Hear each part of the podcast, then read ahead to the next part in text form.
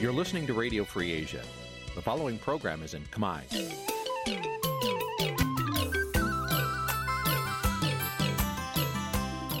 នេះជាកម្មវិធីផ្សាយ Vuthu Azizi Serai នេះជាកម្មវិធីផ្សាយរបស់ Vuthu Azizi Serai ជាភាសាខ្មែរ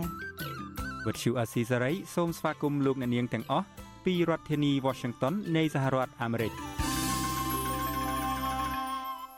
បាទពីរដ្ឋធានីវ៉ាស៊ីនតោន ខ្ញុំបាទសនចាររថាសូមជម្រាបសួរលោកអ្នកនាងអ្នកស្ដាប់វិទ្យុអេស៊ីសរ៉ៃទាំងអស់ជាទីមេត្រី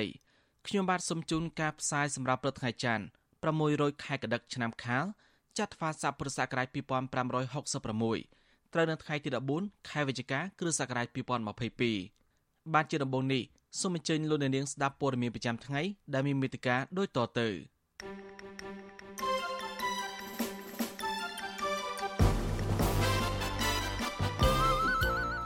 ប្រជុំកំពូលអាស៊ីបូព៌ាបិទបញ្ចប់ដោយមិនមានសេចក្តីថ្លែងការណ៍រួមលោកហ៊ុនសែនថាមិនធ្វើជាប្រធានអាស៊ានលើកទី4ទេកម្ពុជាចំណាយលុយជាងកន្លះលានដុល្លារផលិតនាឡិកាអាស៊ានជូនក្រុមមេដាណមកសិករដាំដំឡូងមីបារម្ភពីតម្លៃដំឡូងមីធ្លាក់ថ្លៃប៉ះពាល់ដល់ជីវភាពរួមនឹងព័ត៌មានផ្សេងៗមួយចំនួនទៀត។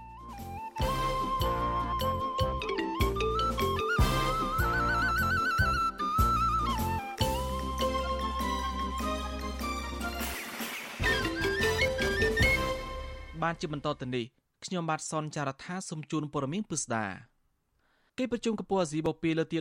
17បានបើកបញ្ចប់កាលពីថ្ងៃអាទិត្យទី13ខែវិច្ឆិកាដោយមិនមានការចេញសេចក្តីថ្លែងការណ៍រួមគណៈសហរដ្ឋអាមេរិកនិងរុស្ស៊ីបានខ្វែងគំនិតគ្នាជាមួយរឿងសង្គ្រាមនៅអ៊ុយក្រែនកិច្ចប្រជុំកំពូលអាស៊ីបូព៌ានេះគឺជាកិច្ចប្រជុំកំពូលសំខាន់ជាងគេមួយដែលពិភពលោកបានទន្ទឹងរង់ចាំមើលក្នុងពេលកម្ពុជាធ្វើជាប្រធានបដូវវេនអាស៊ានឆ្នាំ2022នេះក្រៅពីមានមេដឹកនាំអាស៊ានចូលរួមកិច្ចប្រជុំកំពូលនេះ អនុញ្ញាតឲ្យក្រុមមេដឹកនាំកម្ពុជាកម្ពុជាលើពិភពលោកមកពីប្រទេសចំនួន8ក្នុងនោះមានសហរដ្ឋអាមេរិកជប៉ុនអូស្ត្រាលីនូវែលសេឡង់កូរ៉េខាងត្បូងឥណ្ឌាចិននិងរុស្ស៊ីអង្គុយទល់មុខគ្នាជួបពិភាក្សាផ្ដោតលើបញ្ហាប្រឈមសំខាន់សំខាន់នៅតំបន់អាស៊ីបូព៌ាគិតត្រឹមម៉ោងផ្សាយនេះក្រសួងការបរទេសកម្ពុជាមិនទាន់ចេញផ្សាយការប្រកាសព័ត៌មានណាមួយអំពីលទ្ធផលនៃកិច្ចប្រជុំកម្ពុជាអាស៊ីបូព៌ានេះនៅឡើយទេរីឯគេហត្ថព័ត៌ផ្លូវការរបស់អាស៊ានវិញបានចេញផ្សាយសេចក្តីថ្លែងការណ៍ របស់ប្រធានកិច្ចប្រជុំកំពូលអាស៊ីបូព៌ាលើកទី17ស្ដីពីការពង្រឹងសិទ្ធិអំណាចរបស់ស្ត្រីក្នុងវិស័យសេដ្ឋកិច្ចកាន់តែប្រសើរឡើងការពង្រឹងកិច្ចសហប្រតិបត្តិការផ្នែកធម្មពលសម្រាប់ការរើបឡើងវិញក្រោយវិបត្តិ COVID-19 និងការលើកកម្ពស់ភាពជាអ្នកស្ម័គ្រចិត្តសម្រាប់ការពិវត្តប្រកបដោយចីរភាពសារព័ត៌មាន The Washington Post របស់អាមេរិករាយការណ៍ដឹងថាការពីថ្ងៃទី13ខែវិច្ឆិកាថារុស្ស៊ីនិងសហរដ្ឋអាមេរិកមិនបានឯកភាពគ្នាលើពាក្យពេចន៍មួយចំនួនដែលត្រូវប្រើក្នុងសេចក្តីថ្លែងការណ៍រួមដែលជាហេតុធ្វើកិច្ចប្រជុំកំពូលនេះ មិនអាចចេញសេចក្តីថ្លែងការណ៍រួមបានដោយឡែកទីភ្នាក់ងារសារព័ត៌មានរុស្ស៊ីតាសបានផ្សាយថ្ងៃដដែលបានដកស្រង់ប្រសាសន៍របស់រដ្ឋមន្ត្រីការបរទេសរុស្ស៊ីលោកស៊ីហ្គៃឡារ៉ូវថ្លែងថាសេចក្តីថ្លែងការណ៍រួមអំពីលទ្ធផលនៃកិច្ចប្រជុំកំពូលស៊ីបូព៌ាមិនអាចសម្រេចទៅបានទេដោយសារភាគីអាមេរិកនិងដៃគូទទួលឲ្យវាតម្លៃពីស្ថានភាពនៅអ៊ុយក្រែនដែលរុស្ស៊ីមិនអាចទទួលយកបានសេតាវិមានរបស់ប្រធានាធិបតីโจ Biden ឲ្យដឹងតាមរយៈសេចក្តីថ្លែងការណ៍ផ្សាយកាលពីថ្ងៃទី13ខែវិច្ឆិកាថាក្នុងកិច្ចប្រជុំកំពូលស៊ីបូព៌ានេះ លោកโจ Biden បានគូបញ្ជាក់ឡើងវិញពីការបដិញ្ញាចិត្តរបស់សហរដ្ឋអាមេរិកក្នុងតំបន់ Indo-Pacific ដែលមានអាស៊ានជាមជ្ឈភាពលោក Joe Biden បានលើកឡើងពីបញ្ហាប្រឈមនានាក្នុងតំបន់និងសកលលោកបានគូបញ្ជាក់ពីសេរីភាពនាវាចរការធ្វើដំណើរតាមផ្លូវអាកាសដែលត្រូវតែគោរពក្នុងតំបន់សមុទ្រចិនខាងកើតនិងសមុទ្រចិនខាងត្បូងលោក Joe Biden បានគូបញ្ជាក់ថារាល់វិវាទទាំងឡាយក្នុងតំបន់នេះត្រូវដោះស្រាយដោយសន្តិវិធីហើយស្របតាមច្បាប់អន្តរជាតិទន្ទឹមនឹងនេះ ប្រធានាធិបតីអាមេរិកក៏បានលើកឡើងពីកង្វល់អំពីការគម្រាមកំហែងបង្កឡើងដោយប្រទេសកូរ៉េខាងជើងហើយលោកបានថ្កោលទោសប្រទេសរុស្ស៊ីដោយប្រើភាសាធ្ងន់ធ្ងរថាប្រទេសនេះបានប្រាសង្គ្រាមយ៉ាងព្រៃផ្សៃហើយដោយមិនត្រឹមត្រូវក្នុងប្រទេសអ៊ុក្រែនក្រៅពីនេះលោកបានលើកឡើងពីកង្វល់ពាក់ព័ន្ធនឹងវិបត្តិកាន់ដដនដាបនៅប្រទេសមីយ៉ាន់ម៉ាឬភូមាផងដែរពាក់ព័ន្ធនឹងបញ្ហាទំនាក់ទំនងអាមេរិកនិងចិនវិញលោកโจ Biden គូបញ្ជាក់ថាសហរដ្ឋអាមេរិកនឹងប្រគល់ប្រជែងយ៉ាងស្វាហាប់ជាមួយសាធារណរដ្ឋប្រជាមានិតចិន ហើយនៅតែនិយាយការពិតអំពីការដែលប្រទេសនេះរំលោភសិទ្ធិមនុស្សលោកក៏គូបញ្ជាក់ឡើងវិញពីសារៈសំខាន់នៃការថែរក្សាសន្តិភាពនិងស្ថិរភាពក្នុងតំបន់ច្រកសមុទ្រតៃវ៉ាន់ផងដែរក្រៅពីមិនមានការចេញសេចក្តីថ្លែងការណ៍រួមកិច្ចប្រជុំកំពូលអាស៊ីបូព៌ាលើកទី17បានបញ្ចប់ទៅដោយមិនមានការថតរូបជុំគ្នារវាងក្រុមមេដឹកនាំទាំង18ប្រទេសដែលជាសមាជិកនៃកិច្ចប្រជុំកំពូលនេះទេការនេះអាចឆ្លុះបញ្ចាំងពីភាពតានតឹងនៅកិច្ចប្រជុំកំពូលស៊ីបពីលើទី17 ដែលកម្ពុជាធ្វើជាម្ចាស់ផ្ទះលោកហ៊ុនសែនក្នុងនាមជាប្រធានបដូវវេនអាស៊ានកំពុងរងការរិះគន់ថាមិនអាចជួយសម្របសម្រួលដោះស្រាយបញ្ហាសំខាន់សំខាន់លើពិភពលោកបានពិសេសបញ្ហានៅអ៊ុក្រែនស្របពេលមេដឹកនាំរុស្ស៊ីលោកវ្លាឌីមៀពូទីនសម្រាប់បញ្ចូលរួមកិច្ចប្រជុំកំពូលនេះនៅកម្ពុជាលោកហ៊ុនសែនថាលោកសុកស្ដាយរដ្ឋមន្ត្រីការបរទេសរុស្ស៊ីនិងរដ្ឋមន្ត្រីការបរទេសអ៊ុក្រែនមិនបានជួបគ្នានៅកម្ពុជាដើម្បីរកដំណោះស្រាយជុំវិញបញ្ហាសង្គ្រាមនៅអ៊ុក្រែនរាជមេដឹកនាំកម្ពុជារបស់ចិនលោកស៊ឺជីនពីង ក៏បានខកខានមិនបានចូលរួមកិច្ចប្រជុំនៅកម្ពុជាដោយបានបញ្ជូននាយករដ្ឋមន្ត្រីចូលរួមជំនួសវិញជាជាងជ្រើសរើសយកកម្ពុជាប្រធានាធិបតីអាមេរិកលោកโจ Biden និងប្រធានាធិបតីចិនស៊ឺជីនពីងបានជ្រើសយកប្រទេសឥណ្ឌូនេស៊ីធ្វើជាទីតាំងជួបពិភាក្សាទល់មុខគ្នាជាលើកដំបូងនៅកិច្ចប្រជុំកំពូលក្រុមប្រទេសដែលមានសេដ្ឋកិច្ចលូតលាស់ធំជាងគេចំនួន20ដែលហៅកាត់ថា G20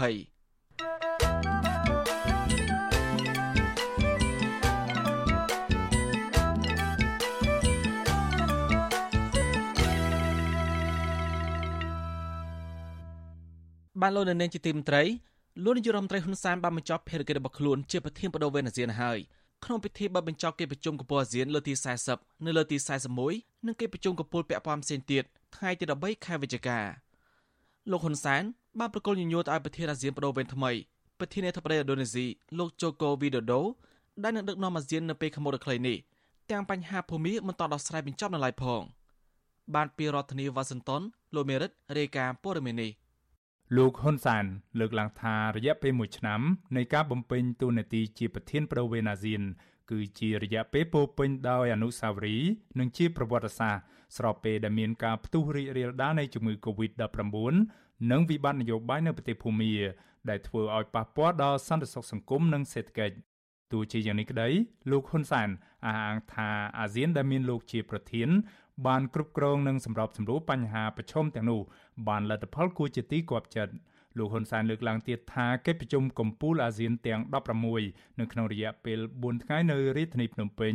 ដែលកម្ពុជាធ្វើជាម្ចាស់ផ្ទះនោះបានបិទបញ្ចប់ទៅដោយទទួលបានលទ្ធផលជោគជ័យយ៉ាងត្រចះត្រចង់ទាក់ទងនឹងបញ្ហាចំនួននៅភូមា លោកហ៊ុនសានថ្លែងក្នុងសន្និសីទសារព័ត៌មាននៅល្ងាចថ្ងៃទី13ខែវិច្ឆិកាថានៅតែដោះស្រាយបញ្ហាភូមាពលគឺត្រូវធ្វើយ៉ាងម៉េចឲ្យភាគីទាំងពីរនៃចំនួនវិលមករកការចរចាលោកបន្តថាជំហររបស់លោកត្រូវតែបើកទ្វារចំហជាមួយមេយោធាភូមាដើម្បីទុកលទ្ធភាពសន្តិនិកជាមួយភូមាឆាប់វិលត្រឡប់ទៅរកប្រក្តីភាពពីដើម្បីបំរើផលប្រយោជន៍របស់ម៉ាយាមាសុទ្ធសាធ ឥឡូវខ្ញុំចោទជាសំណួរថាបើក្តៅណែឯងធ្វើម៉េចគេបើចង់ក្តៅធ្វើម៉េចគេខ្ញុំចង់សួរអ្នកដែលចង់ក្តៅតើលើកតបទៅម៉ៃទៅវាយវល់ម៉ាយាមាហើយបើតិចតើទៅលួងទៅលួងចិត្តម៉ាយាមាដោយកូនក្មេងឲ្យស្កក្របស៊ីដើម្បីឲ្យដើរតាមបើទោះបីជាលោកហ៊ុនសាន បង្ហាញមោទនភាពពីលទ្ធផលនៃកិច្ចប្រជុំកំពូលអាស៊ានពេលនេះក្តីក៏ក្រុមអ្នកខ្លាំមើលសង្កេតឃើញថាទោះបីជាលទ្ធផលនៃកិច្ចប្រជុំកំពូលអាស៊ាននេះហាក់បង្ហាញឲ្យឃើញថាអាស៊ានបានពង្រីកនិងបន្ថែមទំនាក់ទំនងជាមួយប្រទេសមហាអំណាចបន្ថែមទៀតក្តីក៏វិបត្តិនៅភូមានៅតែមិនទាន់មានភាពធូរស្រាលនៅឡើយទេ ចំណែកលោកហ៊ុនសែនក៏ត្រូវបានប្រធានាធិបតីសហរដ្ឋអាមេរិក និងអគ្គលេខាធិការអង្គការសហប្រជាជាតិស្នើឲ្យកែលម្អបញ្ហាសិទ្ធិមនុស្សនិងប្រជាធិបតេយ្យនៅក្នុងស្រុកឡើងវិញផងដែរមុនពេលប្រគល់ញញួរទៅប្រធានបដូវេនអាស៊ានថ្មី គឺប្រធានាធិបតីឥណ្ឌូនេស៊ីលោកជូកូវីដូដូលោកនាយរដ្ឋមន្ត្រីហ៊ុនសែនបានស្នើសុំឲ្យឥណ្ឌូនេស៊ីជួយដោះស្រាយបញ្ហាដែលនៅសេសសល់បន្ទាប់ពីលោក លោកហ៊ុនសែនមានជំនឿថាលោកជូកូវីដូដូនឹងបន្តដឹកនាំអាស៊ាន ដើម្បីសម្រេចបាននូវគោលបំណងចម្បងគឺសហគមន៍អាស៊ានប្រកបដោយសុខសន្តិភាពភាពធន់និងបរិយាបន្ន ប្រធានាធិបតីឥណ្ឌូនេស៊ីលោកជូកូវីដូដូដែលទទួលបានភារកិច្ចជាប្រធានបដូវវេនអាស៊ានថ្មីសម្រាប់ដឹកនាំអាស៊ាននៅឆ្នាំ2023ខាងមុខនេះថ្លែងថាអាស៊ានត្រូវធ្វើយ៉ាងណាមិនឲ្យមានភាពតានតឹងនៅក្នុងភូមិសាស្ត្រនយោបាយคล้ายទៅជាសង្គ្រាមត្រជាក់នៅក្នុងតំបន់នោះទេលោកបន្តទៀតថាអាស៊ានត្រូវតែជាតំបន់កំណើនសេដ្ឋកិច្ចខ្លាំងហើយសមត្ថភាពអាស៊ានក៏ត្រូវតែពង្រឹងដើម្បីឆ្លើយតបទៅនឹងបញ្ហាប្រឈមនានា លោកជូកូវីដូដូបន្តទៀតថាអាស៊ានត្រូវតែជោគជ័យមានភាពមាំមួនទប់ទល់នឹងបញ្ហាប្រឈមនាថ្ងៃអនាគតសមត្ថភាពអាស៊ានត្រូវតែបានពង្រឹងដើម្បីឆ្លើយតបទៅនឹងបញ្ហាប្រឈមក្នុងរយៈពេល20ឆ្នាំខាងមុខទៀតដើម្បីក្លាយជាតំបន់មួយដែលមានភាពបន្ស៊ាំឆ្លើយតបនឹងប្រកួតប្រជែងយើងត្រូវតែសម្រេចបានការងារនេះតាមរយៈរបៀបរបៀបអាស៊ាន ដែលអនុលោមតាមស្មារតីនៃសហប្រតិបត្តិការនិងអនុវត្តពេញលេញ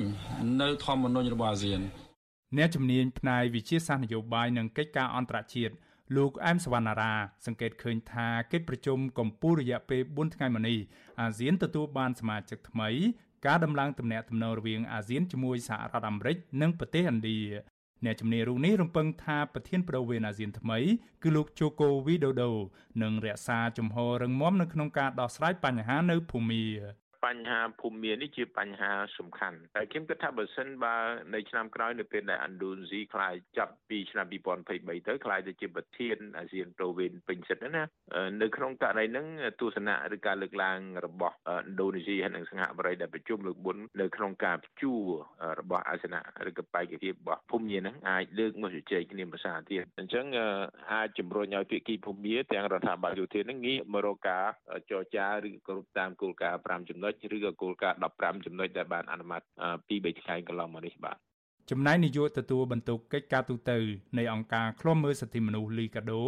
លោកអំសមាតក៏សម្គាល់ឃើញថាកម្ពុជា ដែលជាប្រទេសម្ចាស់ផ្ទះនៃកិច្ចប្រជុំកំពូលអាស៊ាននៅពេលនេះគឺទទួលបានផលចំណេញច្រើនជាងប្រទេសសមាជិកអាស៊ានផ្សេងទៀតព្រោះកម្ពុជាមានជំនួបទ្វេភាគីជាមួយបណ្ដាប្រទេសនានា និងប្រទេសមហាអំណាច លោកបន្តទៀតថាប្រសិនបើភាគីកម្ពុជា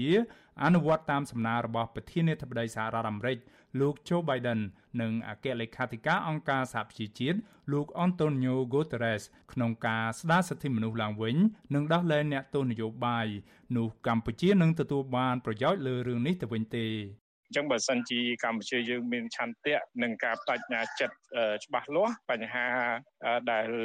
មានចម្រងចម្រាស់កន្លងមកតាក់ទងនឹងរឿងសិទ្ធិមនុស្សនឹងអាចនឹងធ្វើការកែលម្អបានហើយបើការកែលម្អបានកម្ពុជានឹងទទួលផលចំណេញច្រើនបាទនៅក្នុងជំនួបទ្វេភាគីរវាងប្រធានាធិបតីសហរដ្ឋអាមេរិកលោក Joe Biden ជាមួយនឹងលោកហ៊ុនសែន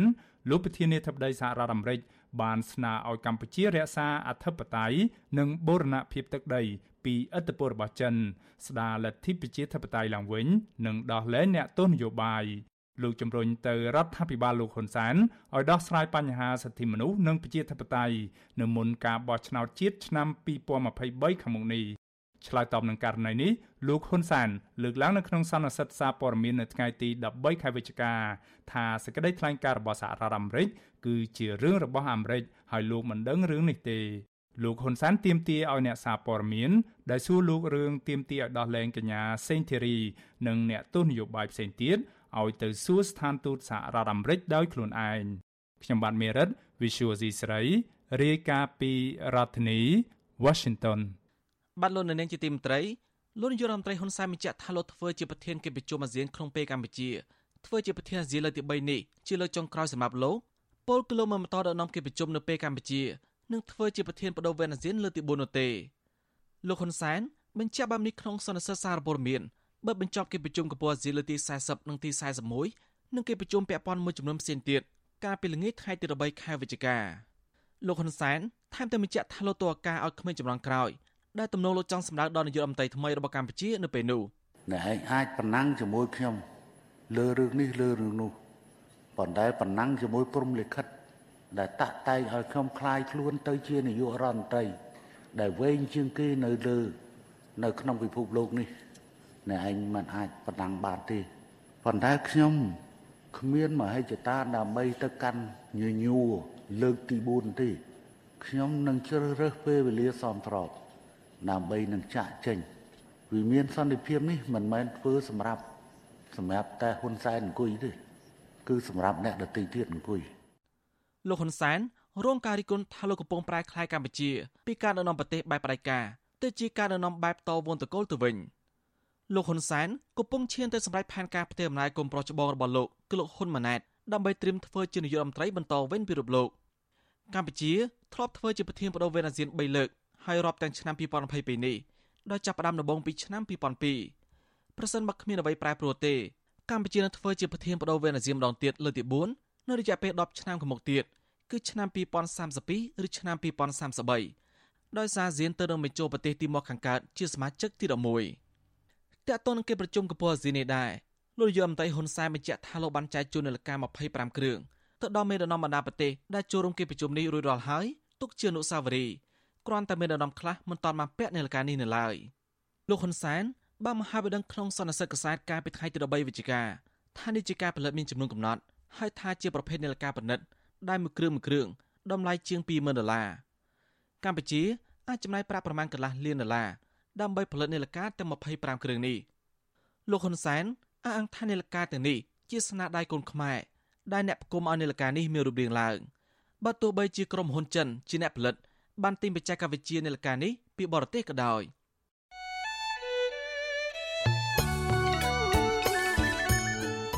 បានលោកនាងជាទីមត្រីនៅក្នុងឱកាសនេះដែរខ្ញុំបានសូមថ្លែងអំណរគុណដល់លោកនាងកញ្ញាទាំងអស់ដែលតែងតែមានភក្ដីភាពចំពោះការផ្សាយរបស់យើងហើយចាត់ទុកការស្ដាប់វិទ្យុអាស៊ីសេរីជាផ្នែកមួយនៃសកម្មភាពប្រចាំថ្ងៃរបស់លោកនាងការគ្រប់គ្រងរបស់លោកនាងនេះហើយដែលធ្វើឲ្យយើងខ្ញុំមានទឹកចិត្តកាន់តែខ្លាំងបន្ថែមទៀតនៅក្នុងការស្វែងរកនិងផ្តល់ព័ត៌មានជូនលោកនាងមានអ្នកស្ដាប់អ្នកទស្សនាកាន់តែច្រើនកាន់តែធ្វើឲ្យយើងខ្ញុំមានភាពស្វាហាប់មោះមុតជាបន្តទៅទៀត យើងខ្ញុំសូមអរគុណទុកជាមុនហើយសូមអញ្ជើញលោកនាងចូលរួមជំរុញសកម្មភាពផ្តល់ព័ត៌មានរបស់យើងនេះកាន់តែជោគជ័យបន្ថែមទៀតលោកនាងអាចជួយយើងខ្ញុំបានដោយគ្រាន់តែចុចចែករំលែកឬ Share ការផ្សាយរបស់យើងនៅលើបណ្ដាញសង្គម Facebook និង YouTube ទៅកាន់មិត្តភ័ក្តិដើម្បីឲ្យការផ្សាយរបស់យើងបានទៅដល់មនុស្សកាន់តែច្រើន បាទសូមអរគុណ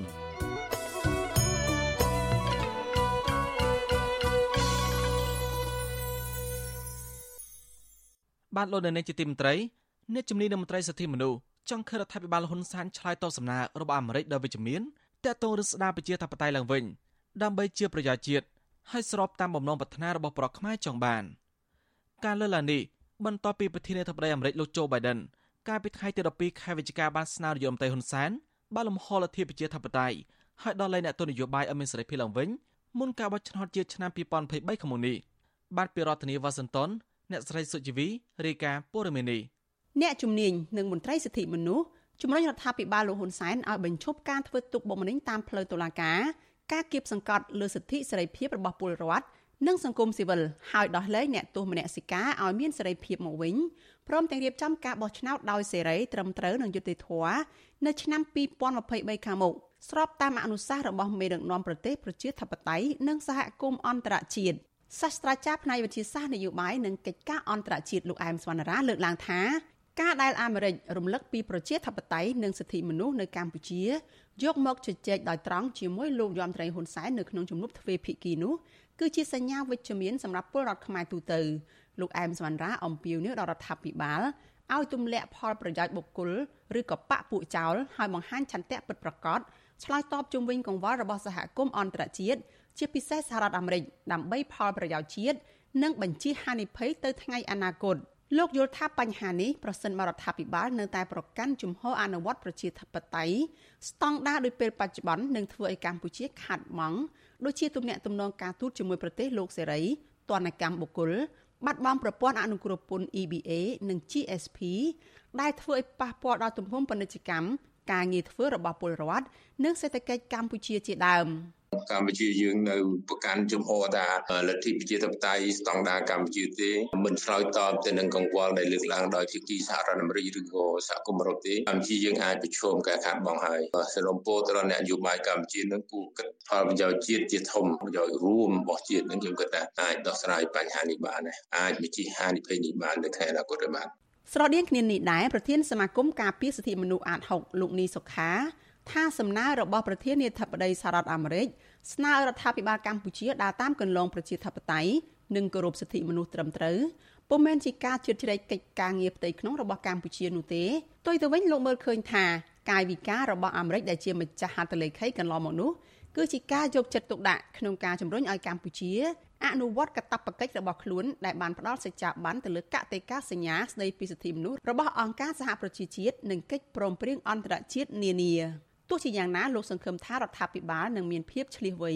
ទទួលយកអនុសាសន៍ទាំងនោះទៅពិនិត្យនិងដោះស្រាយដោយឈរលើប្រយោជន៍ជាតិសម្រាប់ប្រជាពលរដ្ឋខ្មែរទៅថ្ងៃខាងមុខប្រជាយើងត្រូវតែដោះស្រាយបញ្ហាហ្នឹងដើម្បីឈរទៅលើផលប្រយោជន៍ជាតិបាទផលប្រយោជន៍សម្រាប់ប្រជាពលរដ្ឋសិនបើយើងមិនព្រមមានការផ្លាស់ប្ដូរកែប្រែនៅអ្វីដែលជាបានស្នើឡើងហ្នឹងគឺអាចនឹងមានការដាក់សម្ពាធផ្សេងទៀតយើងដឹងហើយសហភាពអឺរ៉ុបក៏អាចនឹងមានការដាក់សម្ពាធដែរក្នុងរឿងហ្នឹងព្រោះគេបានបញ្ជាក់រួចហើយអំពីគេចាំមើលអេរិយាប័តមុនពេលបោះឆ្នោតចឹងហើយបានការស្នើឡើងរបស់ប្រធានាធិបតីអាមេរិកចង់ឃើញការដោះស្រាយបញ្ហាមុនពេលបោះឆ្នោតនេះគឺស្របគ្នាទៅនឹងយន្តការរបស់អឺរ៉ុបបដែលគេកំពុងតែរងចាំមើលនឹងផងដែរបាទសំណើរបស់មន្ត្រីសិទ្ធិមនុស្សអ្នកជំនាញនេះបន្ទាប់ពីជំនួបរវាងប្រធានាធិបតីអាមេរិកលោកโจ Biden ជាមួយនឹងលោករដ្ឋមន្ត្រីហ៊ុនសែនកាលពីថ្ងៃទី12ខែវិច្ឆិកាក្នុងជំនួបនោះលោកប្រធានាធិបតី Joe Biden បានជំរុញឲ្យលោករដ្ឋមន្ត្រីហ៊ុនសែនបើកឡើងវិញនៅលំហសេរីភាពពលរដ្ឋនិងនយោបាយនៅមុនការបោះឆ្នោតនៅក្នុងឆ្នាំ2023ខាងមុខ។ លោកក៏បានអំពាវនាវឲ្យដោះលែងសកម្មជនដែលត្រូវបានតុលាការឃុំខ្លួនពីបទចោទប្រកាន់នយោបាយរួមទាំងពលរដ្ឋខ្មែរអាមេរិកាំងកញ្ញាសេងធីរីផងដែរលោកប្រធានាធិបតីโจ Biden រំលឹកឡើងវិញនៅការបដិញ្ញាចិត្តរបស់សហរដ្ឋអាមេរិកចំពោះប្រជាជនកម្ពុជា និងបំណងប្រាថ្នារបស់ពលរដ្ឋខ្មែរដែលចង់ឃើញកម្ពុជាមានការរីកចម្រើនផ្នែកប្រជាធិបតេយ្យនិងមានឯករាជ្យយ៉ាងនេះក្តីលោកយមត្រីហ៊ុនសែនបានប្រាប់ក្រុមអ្នកសារព័ត៌មានកាលពីល្ងាចថ្ងៃទី13ខែវិច្ឆិកាថា ជំនួបទ្វេភាគីរវាងលោកនិងប្រធានាធិបតីអាមេរិកលោកโจ Biden នោះពុំបានលើកឡើងពីបញ្ហាតាក់ទងនឹងកម្ពុជាទេ គឺពិភាក្សាតែពីបញ្ហាកម្រិតពិភពលោកនិងនៅក្នុងតំបន់ជាមួយគ្នានេះអគ្គលេខាធិការអង្គការសហប្រជាជាតិលោក Antonio Guterres ដែលបានមកចូលរួមកិច្ចប្រជុំកំពូលរវាងអាស៊ានអង្គការសហប្រជាជាតិក៏បានអំពាវនាវដល់រដ្ឋាភិបាលលោកហ៊ុនសែនឲ្យបើកលំហសិទ្ធិសេរីភាពជាមូលដ្ឋានដល់សកម្មជនសិទ្ធិមនុស្សសកម្មជនបរិស្ថាន និងសហការធ្វើការងារជាមួយអង្គការសង្គមស៊ីវិលឡើងវិញដែរវិទ្យុអាស៊ីសេរីមិនអាចតាក់ទងប្រធានអង្គភិបអ្នកណែនាំពាក្យរដ្ឋាភិបាលលោកផៃស៊ីផានដើម្បីឆ្លើយតបរឿងនេះបានទេ នៅថ្ងៃទី13ខែវិច្ឆិកាអ្នកនាំពាក្យផ្លូវការនៃកិច្ចប្រជុំកំពូលអាស៊ាននិងកិច្ចប្រជុំពាក់ព័ន្ធឆ្នាំ2022លោកគង់ភោគប្រាប់សន្និសីទសារព័ត៌មានកាលពីថ្ងៃទី12ខែវិច្ឆិកាថារដ្ឋាភិបាលកម្ពុជាមិនទាន់ឆ្លើយតបបែបណាចំពោះការលើកឡើងរបស់អាមេរិកនេះទេ ទោះជាយ៉ាងណាលោកគង់ភោគបានការពារទង្វើរំលោភសិទ្ធិមនុស្សនិងប្រជាធិបតេយ្យរបស់រដ្ឋាភិបាលនាពេលកន្លងមកហើយលោកអះអាងថាចំណាត់ការលើសកម្មជនទាំងនោះគឺជាការអនុវត្តច្បាប់ប្រសិនបើគាត់ធ្វើខុសច្បាប់គឺគាត់ត្រូវតែទទួលនៅផលវិបាកចេញពីទង្វើរបស់ពួកគាត់ផងដែរសម្រាប់យើងយើងនឹងបន្តប្រឹងប្រែងឲ្យអស់លទ្ធភាពដើម្បីពង្រឹងប្រជាធិបតេយ្យនៅក្នុងប្រទេសយើងដើម្បីប្រយោជន៍ទៅដល់ប្រជាជនយើងជាពិសេសធ្វើយ៉ាងណាគ្រប់ប្រជាជនយើងទាំងអស់ អាចទាញផលប្រយោជន៍ចេញពីការរីកចម្រើននៃសេដ្ឋកិច្ចទោះជាយ៉ាងណាស្ថានភាពសិទ្ធិមនុស្សនិងប្រជាធិបតេយ្យនៅកម្ពុជាត្រូវបានសហគមន៍ជាតិនិងអន្តរជាតិវាយតម្លៃថាកំពុងធ្លាក់ចុះខ្លាំងគួរឲ្យព្រួយបារម្ភចាប់តាំងពីរដ្ឋាភិបាលលោកហ៊ុនសែនបានរំលាយគណៈបកសង្គ្រោះជាតិកាលពីចុងឆ្នាំ2017និងបំបិតសិទ្ធិនយោបាយថ្នាក់ដឹកនាំគណៈបកប្រឆាំងជាហោហែ មកដល់ពេលនេះអ្នកជំនាញច្បាប់និងកិច្ចការអន្តរជាតិនិងជាសកម្មជនសិទ្ធិមនុស្សកញ្ញាសេងធីរីសកម្មជនគណៈបកសង្គ្រោះជាតិគណៈបកភ្លើងទៀននិងអ្នករិះគន់រដ្ឋាភិបាលជាង60នាក់ទៀតកំពុងជាប់ឃុំនៅក្នុងពន្ធនាគារដោយសារតែការអនុវត្តសិទ្ធិសេរីភាពរបស់ខ្លួនក្រុមអង្គការជាតិនិងអន្តរជាតិជាច្រើនរួមទាំងទីភ្នាក់ងារអង្គការសហប្រជាជាតិនិងក្រុមប្រទេសប្រជាធិបតេយ្យធំធំកន្លងមកបានថ្កោលទោសជាបន្តបន្ទាប់ចំពោះរដ្ឋាភិបាលលោកហ៊ុនសែនដោយចាត់ទុកថាការចាប់ខ្លួនសកម្មជនទាំងនេះ គឺជារឿងនយោបាយនិងគ្មានមូលដ្ឋានច្បាប់ពួកគេបន្តទាមទាររដ្ឋាភិបាលដោះលែងអ្នកជាប់ឃុំទាំងនោះឲ្យមានសេរីភាពឡើងវិញដោយឥតលក្ខខណ្ឌព្រមទាំងអំពាវនាវដល់រដ្ឋាភិបាលកម្ពុជាបើកលំហសេរីភាពសង្គមស៊ីវិលនិងនយោបាយក្នុងនោះក៏រាប់បញ្ចូលទាំងការលុបចោលនិងការកែតម្រង់ច្បាប់នានាដែលរដ្ឋបិទសិទ្ធិសេរីភាពពលរដ្ឋផងដែរនាងខ្ញុំសុជីវីវិទ្យុអាស៊ីសេរីពីរដ្ឋធានី Washington បាទលោកនាងជាទីមត្រី កម្ពុជានិងសហរដ្ឋអាមេរិកបន្តបដិញ្ញាចាប់ពង្រឹងកិច្ចសហប្រតិបត្តិការ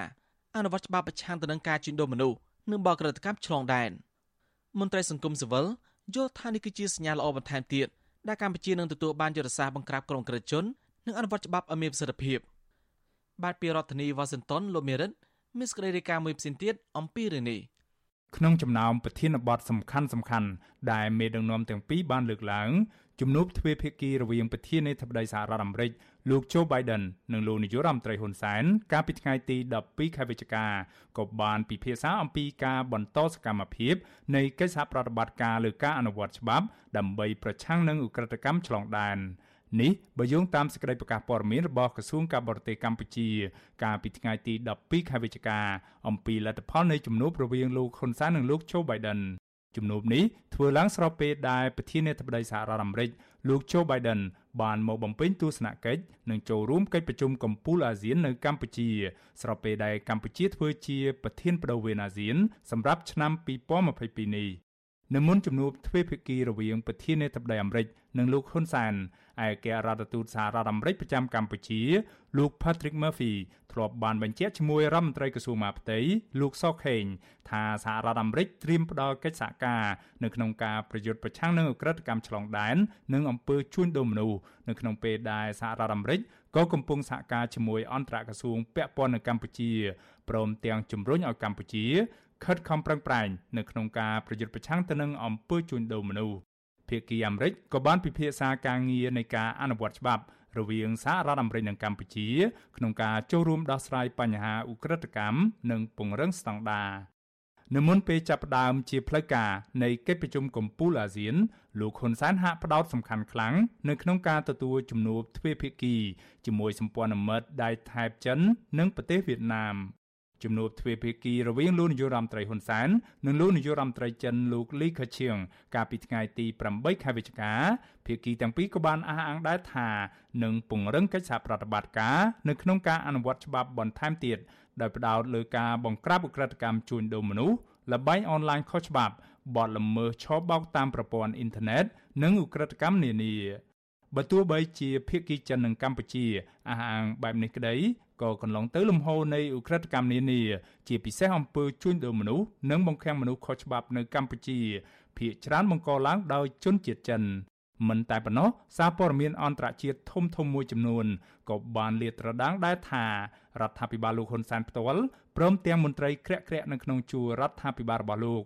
មានទំនាក់ទំនងជាមួយក្រុមហ៊ុនចិន ដែលប្រតិបត្តិការលើចំនួនបែបឧក្រិដ្ឋនៅកម្ពុជាក្រសួងមហាផ្ទៃឲ្យដឹងថារយៈពេល9ខែនៅក្នុងឆ្នាំ2022សមាជិកបង្ក្រាបអំពើជួញដូរមនុស្សនិងអាជីវកម្មផ្លូវភេទបានចំនួន122ករណីគឺថយចុះជាង50%បើធៀបនឹងរយៈពេលដូចគ្នា កាលពីឆ្នាំ2021ដែលមានចំនួន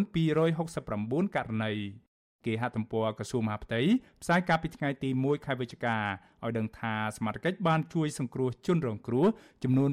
254នាក់នៅក្នុងនោះមានស្ត្រី190នាក់ក្នុងចំណោមជនរងគ្រោះទាំងនោះមានក្មេងអាយុក្រោម15ឆ្នាំចំនួន100នាក់និងក្មេងអាយុចន្លោះពី15ឆ្នាំទៅ17ឆ្នាំចំនួន29នាក់ សមាជិកកម្ពុជាក៏បានចាប់ខ្លួនជនសង្ស័យបញ្ជូនទៅតុលាការចំនួន147ករណីនៅក្នុងនោះជនសង្ស័យជាជនបរទេសមានចំនួន22នាក់មាន4សញ្ជាតិរួមមានចិនថៃវៀតណាម និងបង់ក្លាដេស វិសុយស៊ីស្រីមិនអាចតាក់ទងប្រធានអង្គភិបអ្នកណែនាំពាក្យរដ្ឋាភិបាលលោកផៃសិផាននិងអ្នកណែនាំពាក្យក្រសួងការបរទេសកម្ពុជា លោកជុំសន្ទ្រីដើម្បីសូមអធិប្បាយជុំវិញរឿងនេះបាននៅឡើយទេនៅថ្ងៃទី13ខែវិច្ឆិកាជុំវិញរឿងនេះនាយកទទួលបន្ទុកកិច្ចការទូតនៃអង្គការការពារសិទ្ធិមនុស្សលីកាដូលោកអំសំអាត មានប្រសាសន៍ថាអ ுக ្រិតកម្មឆ្លងដែនការជួញដូរមនុស្សនិងអំពើលាងលុយកខ្វក់គឺជាកង្វល់រួមសម្រាប់ប្រទេសជុំវិញពិភពលោក លោកជំរុញដល់រដ្ឋាភិបាលកម្ពុជាត្រូវតែបង្កើនកិច្ចសហប្រតិបត្តិការជាមួយបណ្ដាប្រទេសនានានៅក្នុងតំបន់និងអន្តរជាតិព្រមទាំងបង្ហាញឆន្ទៈពិតប្រាកដនិងពង្រឹងការអនុវត្តច្បាប់ឲ្យបានម៉ឺងម៉ាត់ទើបអាចទប់ស្កាត់បញ្ហាក្រិតកម្មជួញដូរមនុស្សនេះឲ្យមានប្រសិទ្ធភាព។ ក្រតកម្មឆ្លងដែនការជួញដូរមនុស្សនិងការលាងលុយកខ្វក់នេះគឺអាចធ្វើទៅបានដោយសហប្រតិបត្តិការល្អជាមួយនឹងបណ្ដាប្រទេសនៅក្នុងពិភពលោកក៏ដូចជាក្នុងតំបន់និងប្រទេសជិតខាងនឹងហើយនេះជាឱកាសល្អហើយដែលមេដឹកនាំធំធំលើពិភពលោកដូចជាក្នុងអាស៊ាន បានជួបជុំគ្នានៅក្នុងការប្រជុំអាស៊ានហើយមានការលើកឡើងនិងការតាំងចិត្តក្នុងការបដិញ្ញាក្នុងការទប់ស្កាត់ការបង្ក្រាបអក្រិតកម្មឆ្លងដែនការជួញដូរមនុស្សនិងការលាងលុយកខ្វក់នេះ របាយការណ៍ស្តីពីការជួញដូរមនុស្សឆ្នាំ2022របស់ក្រសួងការបរទេសអាមេរិកចេញផ្សាយកាលពីខែកក្កដាកន្លងទៅ បានទម្លាក់ចំណាត់ថ្នាក់កម្ពុជា មកកម្រិតទី3ដែលមានន័យថាស្ថានភាពនៃអំពើជួញដូរមនុស្សនៅកម្ពុជា មានលក្ខណៈអាក្រក់បំផុត និងពុំធ្លាប់មានចាប់តាំងពីឆ្នាំ2015មកសាររដ្ឋអាមេរិករកឃើញថាកម្ពុជាដើរថយក្រោយ និងគ្មានឆន្ទៈពិតប្រាកដ នៅក្នុងការលុបបំបាត់ការជួញដូរមនុស្សនេះទេដោយសារតែបញ្ហានៃអំពើពុករលួយជាប្រព័ន្ធដែលបានរារាំងដល់ការអនុវត្តច្បាប់ទៅលើក្រុមអ ுக ្រិតជន ដែលប្រព្រឹត្តនៅអំពើជួញដូរមនុស្សនៅកម្ពុជាខ្ញុំបាទមេរិត Visual C ស្រីរាយការណ៍ពីរដ្ឋធានី Washington បាទលោកនាងជាទីមត្រីទីប្រឹក្សាសមាគមគ្រូបង្រៀនកម្ពុជាឯករាជ្យលោករងឈុនបារម្ភថាកម្ពុជានឹងអនុញ្ញាតឲ្យមានការសិក្សាភាសាវៀតណាម នៅតាមសាលារដ្ឋនាពេលអនាគតដោយសារវៀតណាមចង់បង្ហាញថាខ្លួនមានឥទ្ធិពលលើកម្ពុជាដែរក្តីបារម្ភនេះស្របពេលដែលរដ្ឋាភិបាលកម្ពុជាសម្រាប់ឋានៈចាប់ផ្ដើមសាកល្បងដាក់បញ្ចូលការសិក្សាភាសាចិនទៅក្នុងកម្មវិធីសិក្សាកម្រិតមធ្យមសិក្សាទៅតាមកិច្ចព្រមព្រៀងជាមួយរដ្ឋាភិបាលចិនកាលពីសប្តាហ៍មុនបាទលោកនាងនៅបានស្ដាប់បទសម្ភាសន៍ពីរឿងនេះនៅពេលបន្តិចទៀតនេះបាទសូមអរគុណ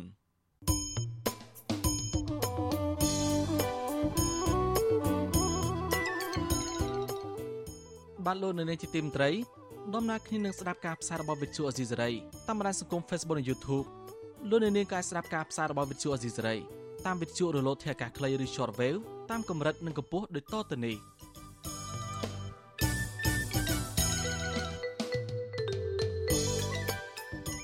ពេលព្រឹកចាប់ពីម៉ោង5កន្លះដល់ម៉ោង6កន្លះ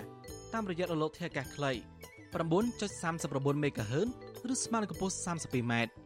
និង11.85 MHz ឬស្មើនឹងកម្ពស់ 25m ពេលយប់ចាប់ពីម៉ោង7កន្លះដល់ម៉ោង8កន្លះតាមរយៈរលកធាតុអាកាសខ្លី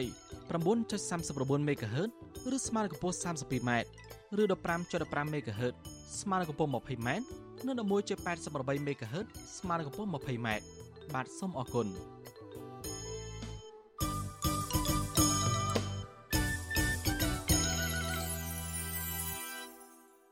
បាទលោកនាងជាទីមេត្រីប្រជាប្រដ្ឋបករបរដាំដំឡូងមីបារម្ភដំណៃដំឡូងមីធ្លាក់ចុះថ្លៃប៉ះពាល់ដល់ជីវភាពស្របពេលដែលកសិករកំពុងមមាញឹកប្រមូលផលបណ្ដាបណ្ដាសង្គមស៊ីវិលយល់ថារដ្ឋាភិបាលនិងស្ថាប័នពាក់ព័ន្ធគួររកវិនិយោគទុំបរទេសកែច្នៃដំឡូងមីហើយដំណាំផ្សេងៗទៀតដើម្បីឲ្យកសិករមានទីផ្សារលក់ក្នុងតម្លៃសមរម្យកសិករដាំដំឡូងមីនៅខេត្តបៃលិនលើកឡើងថាកសិករចាប់ផ្ដើមប្រមូលផលដំឡូងមីបែរជាតម្លៃដំឡូងមីធ្លាក់ថ្លៃ ដែលនាំឲ្យពួកគាត់បារម្ភពីបញ្ហាជីវភាពគ្រួសារពួកគាត់ថាការចំណាយលើការដាំដុះបាញ់ថ្នាំដាក់ជីនិងថែទាំហើយប្រសិនបើតម្លៃមិនល្អនឹងម្ដាខាត់បនធនធ្ងរគ្មានប្រាក់សងធនាគារកសិករនៅក្រុងបៃលិនលប៉ុលសរិទ្ធប្រាវិទ្យាអេស៊ីសរ៉ៃថ្ងៃទី13វិច្ឆិកាថាលោកធ្វើចំការប្រមាណ25ឆ្នាំមកហើយហើយផ្ទៃដីដាំដុះជិត20ហិកតា ដែលមានដាំពោតដំឡូងមីនិងស្វាយជាដើម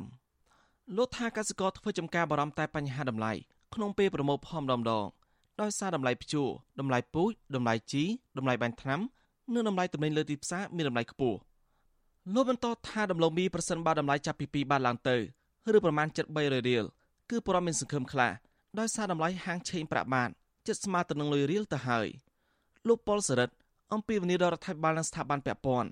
ដោះស្រាយតម្លៃតម្លៃទំនិញតម្លៃប្រេងតម្លៃពូជនិងទីផ្សារកសិផលក្នុងតម្លៃសមរម្យជូនដល់កសិករ។ អ្នកចំការហ្នឹងព្រួយបារម្ភតែរឿងតម្លៃវាអត់ថិតថេរហ្នឹងបងចង់ឲ្យរដ្ឋាភិបាលហ្នឹងជួយលើកតម្កើងកសិផលពូជនិងដំឡូងហ្នឹងធ្វើម៉េចឲ្យតម្លៃវាបានពុះបន្តិចឲ្យប្រជាកសិករគាត់ទាំងអស់គ្នាគាត់បានចំណេញបានរស់ដល់ពេលតម្លៃទៀតហ្នឹងកសិករគ្នាងាប់ទៀតហើយមិនថាពូជមិនថាដំឡូងមិនថាស្រូវទេឲ្យតែតម្លៃធ្លាក់ទៀតកសិករនេះជាពតនីគាសងអត់រួចទេបងបាទតំណែងថ្លៃបងមិនថាជីមិនថាពូជមិនថាឆ្នាំបាញ់នេះឡើងថ្លៃទាំងអស់ឆ្នាំនេះស្រដៀងគ្នានេះកសិករនៅសង្កាត់អូតាវ៉ៅលោកស្រីសស្រីមុំ លើឡាថាលោកស្រីដាំដំឡូងមីចិត្ត3អេតាដែលកំពុងមមាញឹកដកដំឡូងមីដោយមានកម្មករចំនួន10នាក់លោកស្រីបន្តថាតម្លៃដំឡូងមីធ្លាក់ថ្លៃហើយឈ្មួញទិញដំឡូងមីហាក់កំណត់តម្លៃតាមមាត់ឬតាមមេឃទៅវិញដោយសារពេលមេឃស្រទុំតម្លៃដំឡូងមីធ្លាក់ចុះលោកស្រីថាតម្លៃកម្មករឡើងថ្លៃដោយសារតម្លៃកាប់ដើមតម្លៃដកដំឡូងមីផ្សេងគ្នាហើយថ្លៃឡានដឹកយកទៅលក់ក៏ឡើងថ្លៃដែរ កម្មករយើងធ្វើវាថ្លៃហើយណាមើលទៅខាងโรงงานរឿងធ្លាក់ថ្លៃបន្តិចបារម្ភដែរព្រោះកម្មករវាថ្លៃទៅហើយយើងវាថាយើងធ្វើទៅទូទាត់ថ្លៃកម្មករទៅអីទៅចឹងយើងវាអត់សូវសល់ថវិកាអីចឹងចាការចំណាយវាច្រើនដែរព្រោះយើងឆ្នាំផងបាញ់ឆ្នាំឲ្យថ្លៃកម្មករឡើងអីឡើងជួនកាលទៅសល់ទៅសល់ភាគតិចអីចឹងជួនកាលទៅបើទៅលងឲ្យលួយទៀតទៅអាចនឹងខាតទៅចឹងណាចំណែកឈ្មោះទីដំឡូងមីឬក៏ម្ចាស់សៃឡូក្រុងបៃលិនលោកអ៊ីមភរៈ ឲ្យនឹងថាតម្លៃដំឡូងមីធ្លាក់ចុះមកពីផ្នែកកែច្នៃប្រទេសជិតខាងកែច្នៃមិនទាន់ហើយតាមកន្លែងទីតាំងទទួលទិញដំឡូងមីមិនអាចទទួលទិញស្តុកច្រើននោះទេដែលនាំឲ្យតម្លៃធ្លាក់ចុះលោកបន្តថាឆ្នាំនេះតម្លៃដំឡូងមីនៅឡើងថ្លៃដោយសារប្រតដាំពលក្រហមច្រើនហើយនាំឲ្យតម្រូវការដំឡូងមីខ្វះហើយផ្គប់គុំគ្រប់គ្រាន់លោកអ៊ីមភិរៈបន្ថែមថាកសិករចំបានតម្លៃដំឡូងមីថ្លៃត្រូវពង្រឹងគុណភាពដំឡូងមី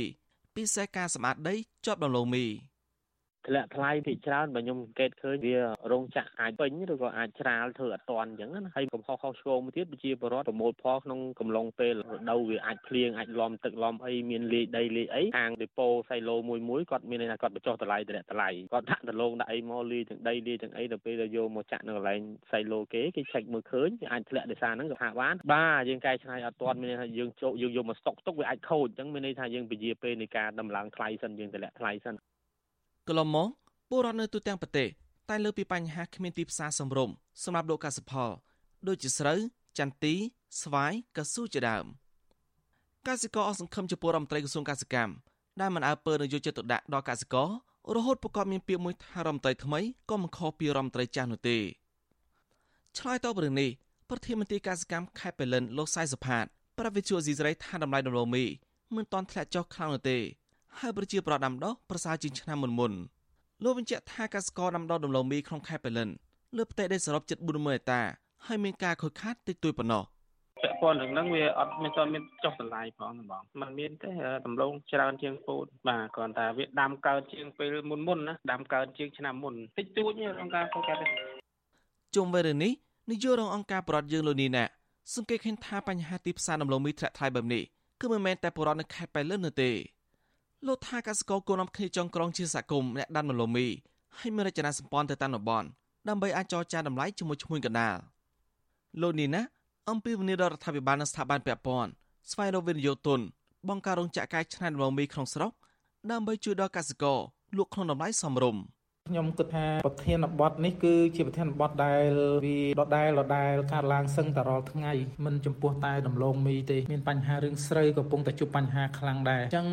អ្នកដែលអាចមានលទ្ធភាពជួយប្រជាពលរដ្ឋបាន មានតែក្រសួងសម័យពាក់ព័ន្ធហ្នឹងគឺក្រសួងកសិកម្មក្រសួងពាណិជ្ជកម្មអាជ្ញាធរមូលដ្ឋានហ្នឹងហើយដែលជាសេនាធិការផ្ទាល់ក្នុងការដោះស្រាយបញ្ហាលំបាករបស់ប្រជាកសិករហ្នឹងឧស្សាហកម្មដំឡូងមីនៅកម្ពុជាពឹងផ្អែកទាំងស្រុងលើទីផ្សារព្រំដែនថៃនិងវៀតណាម ដែលឈ្មោះកណ្ដាលធ្វើពាណិជ្ជកម្មនៅឡូមីរវាងទីផ្សារកម្ពុជានិងចិនរបាយការណ៍របស់ក្រសួងកសិកម្មបង្ហាញថាកម្ពុជា មានផ្ទៃដីដាំដុះនៅឡូមីស្របជាង66ម៉ឺនហិកតាដែលទទួលបានផលជាង12លានតោនក្នុងមួយឆ្នាំតាមរបាយការណ៍ឈុំមីទី1ឆ្នាំ2021បង្ហាញថាកម្ពុជានាំចេញដំឡូងមីស្រស់ជិត4សែនតោនដែលធ្លាក់ចុះ1.75%បើប្រៀបធៀបនឹងរយៈពេលដូចគ្នា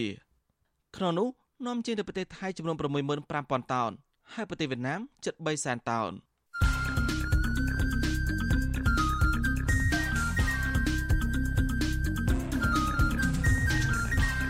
បតសំភារ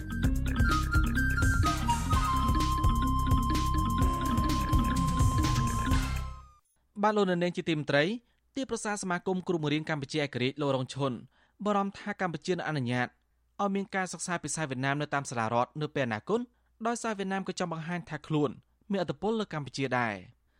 ក្តីបារម្ភនេះបន្ទាប់ពីរដ្ឋាភិបាលកម្ពុជាសម្រេចថានឹងចាប់ផ្ដើមសាកល្បងដាក់បញ្ចូលការសិក្សាភាសាចិនទៅក្នុងកម្មវិធីសិក្សាកម្រិតមធ្យមសិក្សាទៅតាមកិច្ចព្រមព្រៀងជាមួយរដ្ឋាភិបាលចិនកាលពីសប្តាហ៍មុនលោករងឈុនមើលឃើញថាការបញ្ចូលភាសាចិននៅពេលនេះគឺជារូបភាពនៃការបង្ហាញពីឥទ្ធិពលរបស់ចិនមកលើកម្ពុជាបានសូមលោកនាងស្ដាប់បទសភារវិនសេសុជវីជាមួយលោករងឈុនជាទីប្រឹក្សាសមាគមគ្រូមរៀនឯករាជ្យ ហើយជាប្រធានសហភាពសហជីពកម្ពុជា អំពីរឿងនេះដូចតទៅចាសសូមជម្រាបសួរលោករងឈុនពីចម្ងាយចាសលោករងឈុនតើលោកមើលឃើញយ៉ាងម៉េចពីព្រោះខាងក្រសួងអប់រំនឹងបានលើកឡើងឲ្យថាការដែលឲ្យមានភាសាចិននៅក្នុងកម្មវិធីសិក្សារបស់ រដ្ឋកម្មវិធីសិក្សានៅក្នុងកម្រិតមធ្យមសិក្សានេះគឺគឺជាការដែលជំរុញទំនាក់ទំនងរវាងកម្ពុជានិងចិនហ្នឹងហើយមួយទៀតហ្នឹងក៏ជាការដែលបន្ថែមចំណេះដឹងទៅដល់សិស្សានុសិស្សនៅក្នុងកម្រិតសិក្សាតាមសាលារដ្ឋនឹងផងនោះចា៎ជាការពិតការបញ្ចូលភាសាចិនទៅក្នុងកម្មវិធីសិក្សាចំណេះទូទៅ ចាប់ពីថ្នាក់ទី7ឡើងទៅ ចំពោះខ្ញុំខ្ញុំមើលឃើញថាកម្មវិធីសិក្សានៅកម្ពុជាយើងបច្ចុប្បន្ននេះបើយើងនិយាយអំពីគុណភាពគុណភាពនៅមានកម្រិតអ្វីដែលក្រសួងអប់រំត្រូវគិតគូរយើងត្រូវគិតគូរអំពីគុណភាពនៃការអប់រំហើយអ្វីដែលគ្រាន់តែភាគីចិនស្នើហើយយើងចាក់បញ្ចូលយើងមិនបានគិត ឲ្យស៊ីជម្រៅចឹងយើងឃើញថាវាជារឿងមួយដែលមិនល្អខ្ញុំគិតថាបែបនេះវាធ្វើឲ្យការអប់រំហ្នឹងវាម៉ោងវាម៉ោងសិក្សាតិចហើយកម្មវិធីច្រើនអញ្ចឹងលទ្ធផលវាអត់មានអ្វីដែលល្អប្រសើរទេទីពីរយើងមើលឃើញថាវា ជាការកំពុងតែប្រកួតប្រជែងគេថាប្រឡងប្រណាំងនៅគេថាអតិពលនយោបាយ ដែលនៅពេលដែលចិនបញ្ចូលកម្មបញ្ចូលភាសារបស់ខ្លួនខ្ញុំអឺនឹកឃើញទៅដល់គេថាកាលពី40ឆ្នាំមុន នៅក្នុងទសវត្សរ៍ឆ្នាំ80កាលសម័យសហភាពរុស្ស៊ីសូវៀតបាទហើយនឹងជួនដែលបានបញ្ចូលភាសារបស់ខ្លួនរៀននៅចំណេះទូទៅក៏ដូចនៅតាមនៅតាមមហាវិទ្យាល័យអញ្ចឹង កាលសម័យហ្នឹងនៅពេលហ្នឹងយើងរៀនភាសាសូវៀតរៀនភាសាយួននៅ ក្នុងកម្មវិធីសិក្សាហើយឥឡូវពេលនេះបន្ទាប់ពីយួនស្នើបង្កើតអផតមងភាសាយួននៅពេលនេះចិនបានស្នើមកក្រសួងអប់រំក៏ដូចជារដ្ឋាភិបាលកម្ពុជាស្នើបញ្ចូលភាសាចិននៅក្នុងកម្មវិធីសិក្សាចំណេះទូទៅផងដែរចាប់ពីថ្នាក់ទី7ទៅ យើងគិតថានៅពេលដែលយើងបញ្ចូលកម្មវិធីចេះតែចាប់ដាក់ច្រើនពេកពេលហ្នឹងកូនខ្មែរយើងมันអាចចាប់យកបានទាំងអស់ទេវាទៅជារឿងមួយច្បុកច្បល់ហើយមិនដឹងថាអ្វីមួយដែលពិតប្រាកដហើយនៅក្នុងភាសាសកលភាសាអន្តរជាតិហ្នឹងកម្ពុជាយើងយើងបានកំណត់យកនៅដែលបានកំណត់នៅក្នុងច្បាប់ ថាយើងយកភាសាពីរគឺភាសាបារាំងនិងភាសាអង់គ្លេសដែលជាគោលដែលជាភាសាសកលឥឡូវនេះបែរជាយើងបញ្ចូលភាសាចិនមួយទៀតហើយយើងមើលឃើញថានេះវាជាការបង្កជាការប្រកួតប្រជែងផ្នែកនយោបាយវាតាក់ទងទៅនឹងថាភូមិសាស្ត្រនយោបាយហើយចិនចង់ថាបង្ហាញនៅអតិពលរបស់ខ្លួននៅកម្ពុជា ក៏ដូចជានៅក្នុងតំបន់ផងដែរការដែលកូនខ្មែររៀនចេះភាសាច្រើនវាជារឿងល្អហើយប៉ុន្តែនៅពេលដែលយើងចាប់ដាក់ច្រើនពេលនឹងធ្វើឲ្យកូនខ្មែរយើងច្របូកច្របល់មិនដឹងថារៀនមួយណាចោលមួយណាតើអធិពលចិននឹងអាចជះមកកម្ពុជាតាមរយៈការអប់រំនឹងយ៉ាងម៉េចខ្លះទៅចាំលោករងជនសូមខ្លីៗចា៎ ការអប់រំនៅពេលហ្នឹងវាអាចជះទៅនឹងគេថាបញ្ចូលនៅការអប់រំការអប់រំវាជាផ្នែកវប្បធម៌មួយដែរបាទអញ្ចឹងវាអាច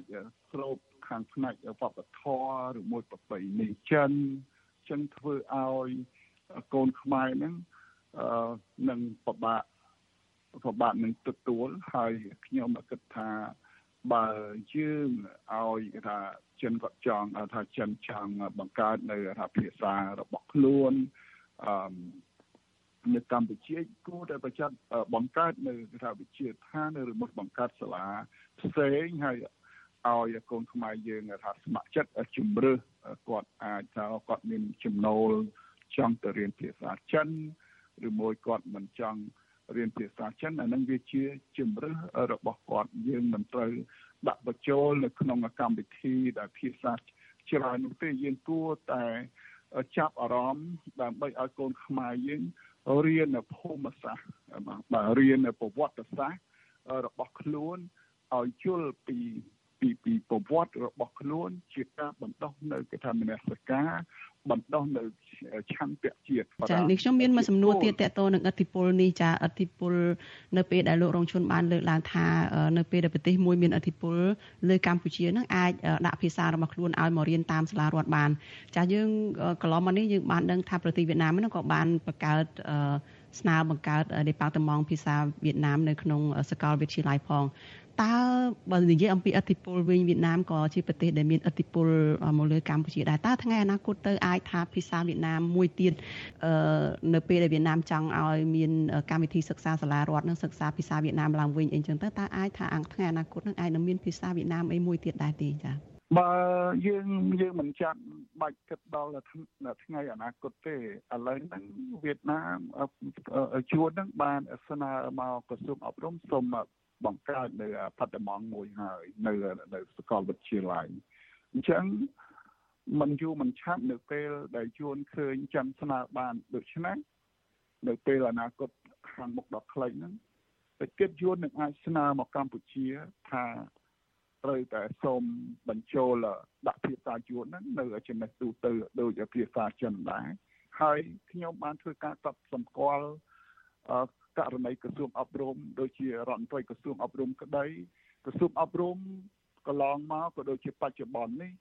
มันមានថាគម្រោងមេទេបាទអត់មានផែនការមេកំណត់ឲ្យច្បាស់លាស់ថាយើងត្រូវដើរទៅលើអីទេនៅពេលដែលគេឲ្យកញ្ចប់លុយមក គេធ្វើទៅតាមការស្នើសុំទៅតាមកញ្ចប់លុយរបស់គេហ្នឹងអាហ្នឹងដែលយើងគិតថាក្រសួងអប់រំយើង វាជាបោកច្បល់ដូច្នេះហើយធ្វើឲ្យកូនខ្មែរនឹងទទួលមិនបាននៅគុណភាពនៃការអប់រំដោយសារតែយើងអត់មានគោលការណ៍ច្បាស់លាស់ដូចជាការស្នើសុំបញ្ចូលភាសារបស់ចិនក្តីយើងអត់មានជំហរបញ្ចូលទៅភាគីដែលស្នើសុំយើងឲ្យតែគេស្នើ យល់ព្រមគេស្នើយល់ព្រមអាហ្នឹងវាជារឿងមួយមិនល្អទេសម្រាប់អប់រំនៅកម្ពុជាបាទចាអរគុណច្រើន ចាលោករងឈុនចាជម្រាបលាលោកត្រឹមប៉ុណ្ណេះចាបាទអរគុណជម្រាបលាបាទបាទលោកនាងទើបបានស្ដាប់បទសម្ភាសន៍រវាងអ្នកសេសុជីវីជាមួយលោករងឈុនជាទីប្រឹក្សាសមាគមគ្រូបង្រៀនឯករាជ្យដែលបារម្ភថាកម្ពុជានឹងបញ្ចូលភាសាវៀតណាមទៅក្នុងកម្មវិធីសិក្សារបស់រដ្ឋបន្ទាប់ពីភាសាចិន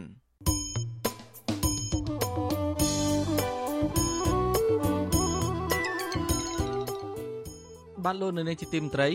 ដំណើរគ្នានឹងស្ដាប់ការផ្សាយរបស់វិទ្យុអេស៊ីសេរីតាមបណ្ដាញសង្គម Facebook និង YouTube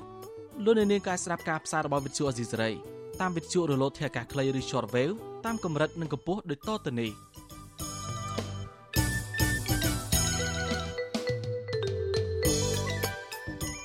ពេលព្រឹកចាប់ពីម៉ោង5កន្លះដល់ម៉ោង6កន្លះតាមរយៈរលកធាតុអាកាសខ្លី9.39 MHz ឬស្មើនឹងកម្ពស់ 32m នៅ11.85 MHz ឬស្មើនឹងកម្ពស់ 25m ពេលយប់ចាប់ពីម៉ោង7កន្លះដល់ម៉ោង8កន្លះតាមរយៈរលកធាតុអាកាសខ្លី9.39 MHz ឬស្មើនឹងកម្ពស់ 32m ឬ15.15 MHz ស្មើនឹងកម្ពស់ 20m និង11.88 MHz ស្មើនឹងកម្ពស់ 20m បាទសូមអរគុណ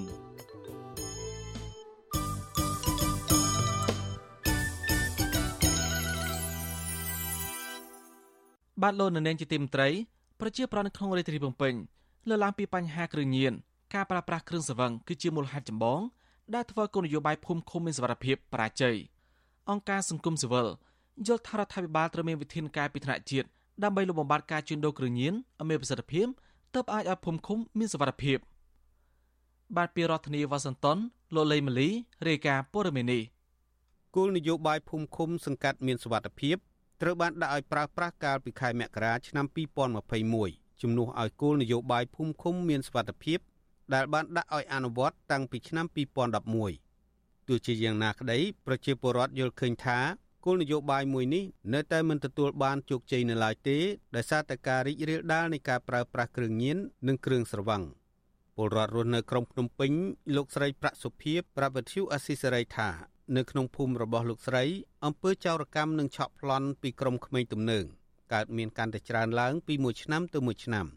លោកស្រីយល់ថាបញ្ហាទាំងនេះកើតមានឡើង គឺបណ្ដាលមកពីការប្រើប្រាស់គ្រឿងញៀនហើយអាជ្ញាធរហាក់ដូចជាគ្មានចេតនាក្នុងការលុបបំបាត់ការជួញដូរគ្រឿងញៀនឡើយក្នុងនោះមានកម្លាំងសមត្ថកិច្ចខ្លះបែរជាពាក់ព័ន្ធជាមួយការជួញដូរគ្រឿងញៀនទៅវិញលើសពីនេះលោកស្រីប្រាក់សុភាបន្ថែមថា ប្រជាសហគមន៍របស់លោកស្រី ដែលកំពុងប្រឈមក្នុងការបណ្តេញចេញពីលំនៅឋានក៏មានការភ័យខ្លាចពីក្រុមក្មេងទំនើងដុតលំនៅឋានដែរព្រោះកន្លងមកអាជ្ញាធរមូលដ្ឋានតែងតែគម្រាមកំហែងទៅលើប្រជាសហគមន៍ដែលនៅតែបន្តតវ៉ាកុំឲ្យមានការរុះរើលំនៅឋានចេញពីកន្លែងក្រុមហ៊ុនចាក់ដី នៅបឹងតមោកដើម្បីអភិវឌ្ឍ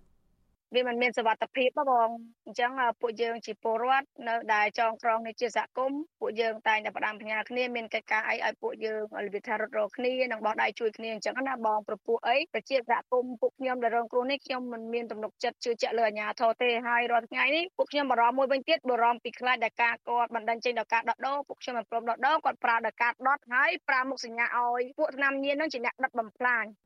ក្រមប្រជាសហគមន៍បឹងតមោក ក៏ធ្លាប់ទាមទារឲ្យមានដំណោះស្រាយពីអាជ្ញាធរមូលដ្ឋាន រហូតដល់សាលារាជធានីភ្នំពេញដែរកន្លងមកប៉ុន្តែក្រមអាជ្ញាធរមិនមានដំណោះស្រាយដល់ក្រមប្រជាពលរដ្ឋឡើយរហូតមកទល់ពេលនេះគណៈគោលនយោបាយទី5អំពីភូមិឃុំសង្កាត់មានសវត្ថភាពបានចែងថាអាជ្ញាធរថ្នាក់ក្រោមជាតិត្រូវលើកកម្ពស់ការដោះស្រាយវិវាទក្រៅប្រព័ន្ធតុលាការតាមយន្តការផ្សះផ្សានៅថ្នាក់ក្រុងស្រុកនិងខណ្ឌស្រដៀងគ្នានេះ ពលរដ្ឋម្នាក់ទៀតដែលរស់នៅក្នុងរាជធានីភ្នំពេញលោកស្រីសាន់សុផាប្រាប់វិទ្យុអស៊ីសេរីថាលោកស្រីតែងតែឃើញសមត្ថកិច្ចចាប់ក្រុមក្មេងទំនើងជារឿយរឿយតាក់ទងនឹងការជួញដូរនិងប្រើប្រាស់គ្រឿងញៀនហើយនៅក្នុងភូមិរបស់លោកស្រីក៏មានការកើនឡើងនៅអំពើចោរកម្មនិងឆក់ប្លន់ដែរលោកស្រីយល់ថាការប្រើប្រាស់គ្រឿងញៀននិងគ្រឿងស្រវឹងគឺជាមូលហេតុចម្បងធ្វើឲ្យក្រុមយុវជនហ៊ានប្រព្រឹត្តអំពើខុសច្បាប់ និងជួនកាលបណ្ដាលឲ្យមានអំពើហិង្សាលើគ្នាទៅវិញទៅមកផងលោកស្រីសាន់សុផាបន្ថែមថាដើម្បីលុបបំបាត់ការជួញដូរគ្រឿងញៀនគឺត្រូវចាប់មេជួញដូរគ្រឿងញៀនធំធំទើបអាចទទួលបានជោគជ័យរាជរដ្ឋាភិបាលគាត់គួរតែដាក់វិធានការយ៉ាងម៉ឺងម៉ាត់ពិសេសចេញប្រភពដើមប្រភពគ្រឿងញៀនអញ្ចឹងទេលុះត្រាតែយើងបក្រាបពីដើមឈើអញ្ចឹងយើងបេះតែស្លឹកអញ្ចឹងស្លឹកនៅតែដុះហើយលុះត្រាតែជីករឹសវាទៀត របាយការណ៍របស់នាយកដ្ឋាននគរបាលប្រឆាំងគ្រឿងញៀនបង្ហាញថាអាជ្ញាធរបានចាប់ខ្លួនជនសង្ស័យពាក់ព័ន្ធគ្រឿងញៀនចំនួន79200នាក់ក្នុងអំឡុង7ខែចាប់ពីខែមករាដល់ខែកក្កដាឆ្នាំ2022ដែលកើនឡើងជាង16%ពីចំនួន78000នាក់ក្នុងរយៈពេលដូចគ្នាកាលពីឆ្នាំ2021ការប្រើប្រាស់គ្រឿងញៀនកើនឡើងគឺជាមូលហេតុចម្បងដែលធ្វើឲ្យយុវជនហ៊ានប្រព្រឹត្តអំពើចោរកម្មឆក់ប្លន់ ដើម្បីយកលុយទៅទិញគ្រឿងញៀនមកប្រើប្រាស់ដោយឡែករដ្ឋាភិបាលកម្ពុជានៅតែមិនទាន់ដាក់ចេញច្បាប់ស្តីពីការប្រើប្រាស់គ្រឿងស្រវឹងនៅឡើយទេទោះបីជាអង្គការសង្គមស៊ីវិលក្នុងស្រុកធ្លាប់បានជំរុញរដ្ឋាភិបាលឲ្យអនុម័តច្បាប់ស្តីពីគ្រឿងស្រវឹងនេះក្តី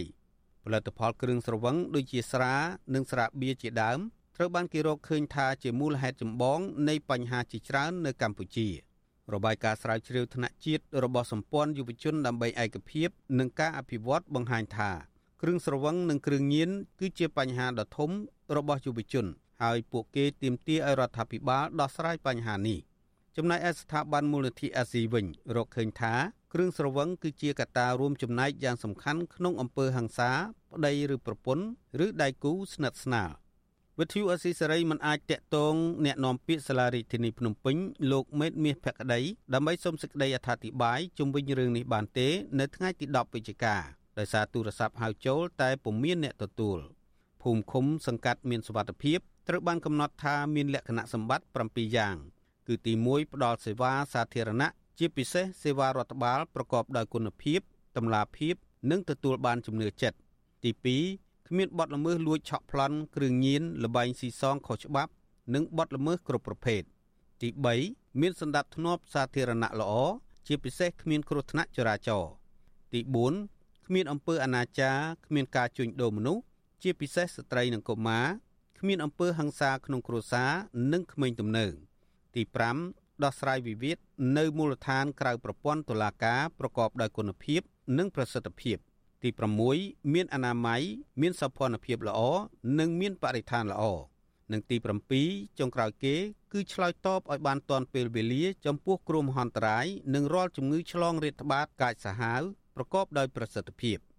ជុំវិញរឿងនេះប្រធានមជ្ឈមណ្ឌលប្រជាពលរដ្ឋដើម្បីអភិវឌ្ឍនិងសន្តិភាពលោកយងកំឯងយល់ស្របចំពោះការលើកឡើងរបស់ក្រមប្រជាពលរដ្ឋប៉ុន្តែលោកយល់ថា ការអនុវត្តគោលនយោបាយភូមិឃុំសង្កាត់មានសវត្ថភាពអាចជោគជ័យទៅបាន គឺមានការចូលរួមយ៉ាងសកម្មពីគ្រប់ភាគី រួមមានអាជ្ញាធរសមត្ថកិច្ចមូលដ្ឋានអាជ្ញាធរថ្នាក់ជាតិនិងប្រជាពលរដ្ឋលោកថាដើម្បីលុបបំបាត់ការជួញដូរនិងប្រើប្រាស់គ្រឿងញៀនពលរដ្ឋត្រូវតែក្លាហានរាយការណ៍ចំពោះករណីជួញដូរគ្រឿងញៀនដែលខ្លួនបានដឹងទៅកាន់សមត្ថកិច្ចមូលដ្ឋានរបស់ខ្លួន ជាវិធានការចាំបាច់ ធ្វើម៉េចឲ្យឃុំសង្កាត់នឹងកាត់បន្ថយឲ្យបាននៅបញ្ហាការប្រើប្រាស់គ្រឿងញៀនការប្រើប្រាស់គ្រឿងសង្វឹងនៅក្នុងសហគមន៍នោះធ្វើបានអានឹងជាជោគជ័យមួយជំហានមួយធំដែរបាទបើថាធ្វើអត់បានទេគឺជោគជ័យវានៅឆ្ងាយលោកយងកំឯងបន្ថែមថាចំពោះបញ្ហាលបែងស៊ីសង គឺចាំបាច់ត្រូវឲ្យមានអាជ្ញាធរថ្នាក់ជាតិចាត់វិធានការក្នុងនោះរដ្ឋាភិបាលត្រូវលុបបំបាត់ចោលអាជ្ញាប័ណ្ណស៊ីសងគ្រប់ប្រភេទវិញ ទើបអាជ្ញាធរថ្នាក់ក្រោមជាតិងាយស្រួលលុបបំបាត់លបែងស៊ីសងនៅតាមមូលដ្ឋានរបស់ខ្លួនជាមួយគ្នានេះលោកបន្ថែមថារដ្ឋាភិបាលក៏ត្រូវបន្ថែមខ្ទង់ថវិកាដល់អាជ្ញាធរឃុំសង្កាត់ដែរដើម្បីឲ្យអាជ្ញាធរនិងសមត្ថកិច្ចថ្នាក់ក្រោមជាតិបំពេញមុខងាររបស់ខ្លួនកាន់តែមានប្រសិទ្ធភាពដោយឡែកចំពោះបញ្ហាបរិស្ថាន និងការបំផ្លាញធនធានធម្មជាតិលោកយងកំឯងយល់ឃើញថា វាគឺជាដែនសមត្ថកិច្ចរបស់អាជ្ញាធរថ្នាក់ជាតិនិងអាស្រ័យទៅលើឆន្ទៈរបស់អ្នកនយោបាយទើបអាចដោះស្រាយបានកន្លងមកដែលឃើញថាជាប់ពាក្យពន្ធនឹងអ្នកមានអំណាចខ្លះហ្នឹងគឺយើងឃើញថាយើងធ្វើបានតិចពេលខ្លះទៀតពាក្យពន្ធនឹងក្រសួងពាក្យពន្ធអីដូចជាសារធាតុមកផលិតទៅជាគ្រឿងញៀនដូចនៅ ខាងកំពង់ស្ពឺនៅអីហ្នឹងគឺការចាត់វិធានការហ្នឹងអត់ដឹងថាទៅដល់ណាបាទ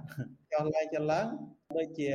រោចាត់វិធានការមិនឃើញបាទអញ្ចឹងទៅជាបរដ្ឋអ្នកតាមដានអ្នកអីហ្នឹងគាត់យល់ថាងតែជាប់ពាក្យពន្ធនឹងអ្នកដែលធំដុំកំដឹងយ៉ាងបាទការចាត់វិធានការនោះត្រូវបានស្ងាត់ឈឹងអីចឹងណាគោលនយោបាយភូមិឃុំសង្កាត់មានសវត្ថភាពត្រូវបានលោកនាយករដ្ឋមន្ត្រីហ៊ុនសែនដាក់ឲ្យប្រើប្រាស់កាលពីថ្ងៃទី26ខែមករាឆ្នាំ2021 ដើម្បីពង្រឹងសន្តិសុខសន្តិភាពសង្គមលើកកម្ពស់អនាម័យបរិស្ថាន សុខុមាលភាពប្រជាពលរដ្ឋនិងកាត់បន្ថយភាពក្រីក្រជាដើមទោះជាយ៉ាងនេះក្តីអ្នកវិភាគដើម្បីអភិវឌ្ឍសង្គមតែងលើកឡើងថាការអនុវត្តគោលនយោបាយភូមិឃុំសង្កាត់មានសុវត្ថិភាពនឹងមិនអាចទទួលបានជោគជ័យឡើយ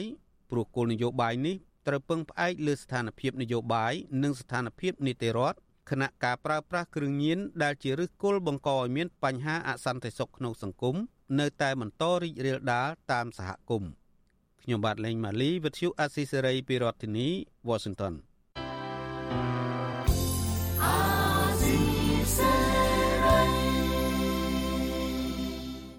បានលោកនាងកញ្ញាអ្នកស្ដាប់វិទ្យុអាស៊ីសេរីជាទីមេត្រីការផ្សាយរយៈពេល1ម៉ោងនៃវិទ្យុអាស៊ីសេរីនៅពេលនេះចប់តែប៉ុណ្ណេះយើងខ្ញុំសូមជូនពរដល់លោកនាង ព្រមទាំងក្រុមគ្រួសារទាំងអស់ឲ្យជួបប្រកបតែនឹងសេចក្តីសុខចម្រើនរុងរឿងកុំបីឃ្លៀងឃ្លាតឡើយខ្ញុំបាទសនចាររថាព្រមទាំងក្រុមការងារទាំងអស់នៃវិទ្យុអាស៊ីសេរីសូមអគុណនិងសូមជម្រាបលា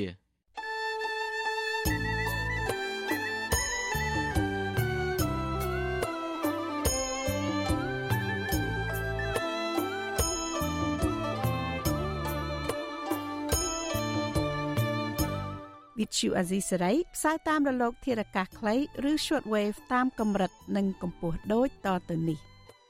ពេលព្រឹកចាប់ពីម៉ោង5កន្លះដល់ម៉ោង6កន្លះតាមរយៈរលក ធារកាសខ្លី9390 kHz ស្មើនឹងកម្ពស់ 32m និង11850 kHz ស្មើនឹងកម្ពស់ 25m ពេលយប់ចាប់ពីម៉ោង7កន្លះដល់ម៉ោង8កន្លះតាមរយៈរលកធារកាសខ្លី 9390 kHz ស្មើនឹងកម្ពស់ 32m និង15155 kHz ស្មើនឹងកម្ពស់ 20m និង11885 kHz ស្មើនឹងកម្ពស់ 20m លោកអ្នកនាងក៏អាចស្ដាប់ការផ្សាយផ្ទាល់តាមប្រព័ន្ធអ៊ីនធឺណិតដោយចូលទៅកាន់គេហទំព័ររបស់ Vuthu Azizi Saray www.rfa.org/ ខ្មែរ ក្រៅពីនេះលោកអ្នកនាងក៏អាចអាននិងទស្សនាព័ត៌មានវិទ្យុអស៊ីសេរីលើទូរស័ព្ទដៃរបស់លោកអ្នកផ្ទាល់សូមលោកអ្នកនាងចូលទៅកាន់បណ្ដាញសង្គម Facebook ដែលមានអាសយដ្ឋាន www.facebook.com/rfa cambodia និង YouTube www.youtube.com/rfa khmer video សូមលោកអ្នកនាងចុច like និងចុច subscribe ដើម្បីទទួលបានព័ត៌មានថ្មីៗទាន់ហេតុការណ៍ និងទស្សនាវីដេអូផ្សេងៗបានគ្រប់ពេលវេលា។